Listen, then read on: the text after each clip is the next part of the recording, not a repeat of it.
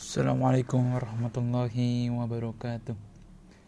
Innal hamdalillah na'matuhu wa nasta'inuhu wa nastaghfiruh wa na'udzu billahi min sururi anfusina wa min sayyiati a'malina.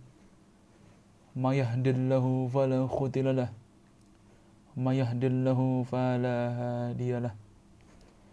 Ashhadu an la ilaha illallah وأشهد أن محمدا عبده ورسوله لا نبي بعد أما بعد Saudara-saudara sekalian yang dirahmati oleh Allah Subhanahu wa taala, pertama-tama marilah kita panjatkan puja dan puji syukur atas kehadirat Allah Subhanahu wa taala. Karena karena kehadiratnya kita diberikan kesempatan untuk bertemu lagi dengan bulan Ramadan ini.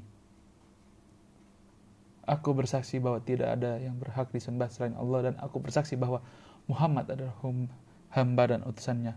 Semoga selawat tercurah pada Nabi kita Muhammad Sallallahu Alaihi Wasallam dan keluarganya dan sahabatnya serta yang mengikuti mereka dengan baik hingga akhir zaman. Islam itu membawa kemudahan pada umatnya. Kemudahan ini dapat dibuktikan dalam syariat puasa yang kita jalankan. Sebagaimana disebutkan dalam surah Al-Baqarah ayat 185 yang mempunyai arti Allah menghendaki kemudahan bagimu dan tidak menghendaki kesukaran bagimu. Sebelumnya Allah Ta'ala berfirman tentang orang sakit dan musafir yang dapat keringanan saat puasa. Dan barang siapa sakit atau dalam perjalanan, lalu ia berbuka, maka wajiblah baginya berpuasa sebanyak hari yang ditinggalkannya itu pada hari-hari yang lain. Surah Al-Baqarah ayat 185. Ibn Kathir rahimahullah berkata, Sesungguhnya diberikan keringanan bagi kalian untuk tidak berpuasa ketika sakit dan saat bersafar. Namun puasa ini wajib bagi yang mukim dan sehat. Itu semua adalah kemudahan dan rahmat Allah bagi kalian tafsir Al-Quran Al-Azim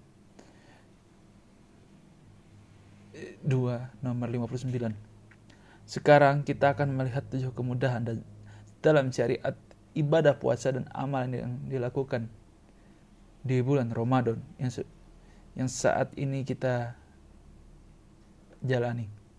Kemudian pertama, bagi orang sakit boleh ambil keringanan tidak berpuasa jika berat berpuasa.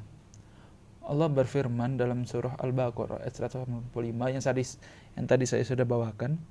Dan barang siapa sakit atau dalam perjalanan lalu ia berbuka maka wajiblah baginya berpuasa. Sebanyak hari yang ditinggalkannya itu pada hari-hari yang lain. Surah Al-Baqarah ayat 185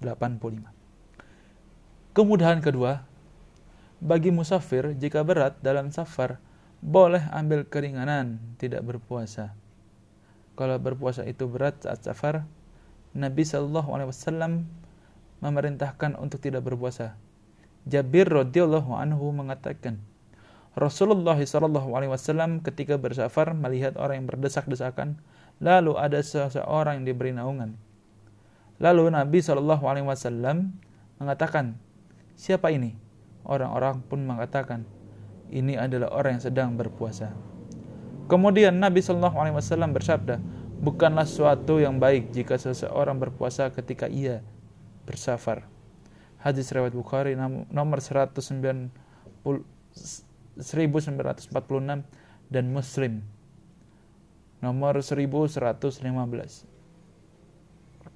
Namun kalau safar tersebut penuh kemudahan, misal perjalanan yang hanya sebentar dengan pesawat, misal Jogja ke Jakarta ditempuh hanya satu jam perjalanan dengan pesawat, maka baiknya tetap berpuasa karena lebih cepat terlepas dari kewajiban. Dari Abu Darda, Abu Darda radhiyallahu anhu, beliau berkata, kami pernah keluar bersama Nabi Shallallahu Alaihi Wasallam di beberapa safarnya pada hari yang cukup terik, sehingga ketika itu orang-orang meletakkan tangannya di kepalanya sehingga karena cuacanya yang begitu panas, di antara kami tidak ada yang berpuasa hanya Nabi Shallallahu Alaihi Wasallam saja dan Ibnu rawahah yang berpuasa ketika itu. Hadis riwayat Bukhari nomor 1945 dan Muslim nomor 1122. Namun kalau kondisi sudah super berat saat safar yaitu bisa celaka bahkan binasa, malah jadi tercela ketika tetap berpuasa. Dari Jabir bin Abdullah radhiyallahu anhu beliau berkata, sesungguhnya Rasulullah Shallallahu alaihi wasallam keluar pada tahun Fathul Makkah 8 Hijrah 8 Hijriah menuju Makkah di bulan Ramadan. Beliau ketika itu berpuasa. Kemudian ketika sampai di Qura Al-Ghamim, suatu lembah antara Makkah dan Madinah, orang-orang ketika itu masih berpuasa. Kemudian beliau meminta diambilkan segelas air. Lalu beliau mengangkatnya dan orang-orang pun memperhatikan beliau. Lantas beliau pun meminum air tersebut setelah beliau melakukan hal tadi. Ada yang mengatakan sesungguhnya sebagian orang ada yang tetap berpuasa. Rasulullah Sallallahu Alaihi Wasallam pun mengatakan mereka itu adalah orang yang durhaka mereka itu adalah orang yang durhaka. Hadis riwayat Muslim nomor 100 eh, 1114. Kesimpulannya, Syekh Muhammad bin Salih Al-Usma Al-Usaimin rahimahullah berkata, yang lebih afdol adalah yang paling mudah baginya saat safar. Jika dalam puasa terdapat bahaya, maka puasa dihukumi haram. Allah Ta'ala berfirman, dan janganlah kamu membunuh dirimu sesungguhnya Allah Maha Penyayang dan sesungguhnya Allah adalah Maha Penyayang kepadamu. Surah An-Nisa ayat 29. Ayat ini menunjukkan bahwa jika ada bahaya maka terlarang untuk melakukannya. Kemudahan ketiga bagi orang tua yang sudah renta boleh tidak berpuasa dan diganti dengan fidyah. Allah Ta'ala berfirman dan dan wajib bagi orang-orang yang berat menjalankannya membayar fidyah yaitu memberi makan seorang miskin. Ibnu Qud Ibnu Qudamah rahimahullah mengatakan orang sakit yang tidak diharapkan lagi kesembuhan kesembuhannya maka dia boleh tidak berpuasa dan diganti dengan memberi makan kepada orang miskin bagi setiap hari yang ditinggal, ditinggalkannya. Karena orang seperti ini disamakan dengan orang yang sudah tua. Dan masih banyak lagi kemudahan-kemudahan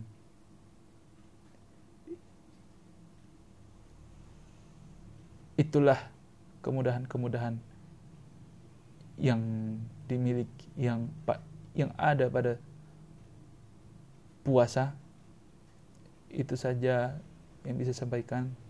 Kurang lebihnya mohon maaf. Wabillahi taufiq wal hidayah.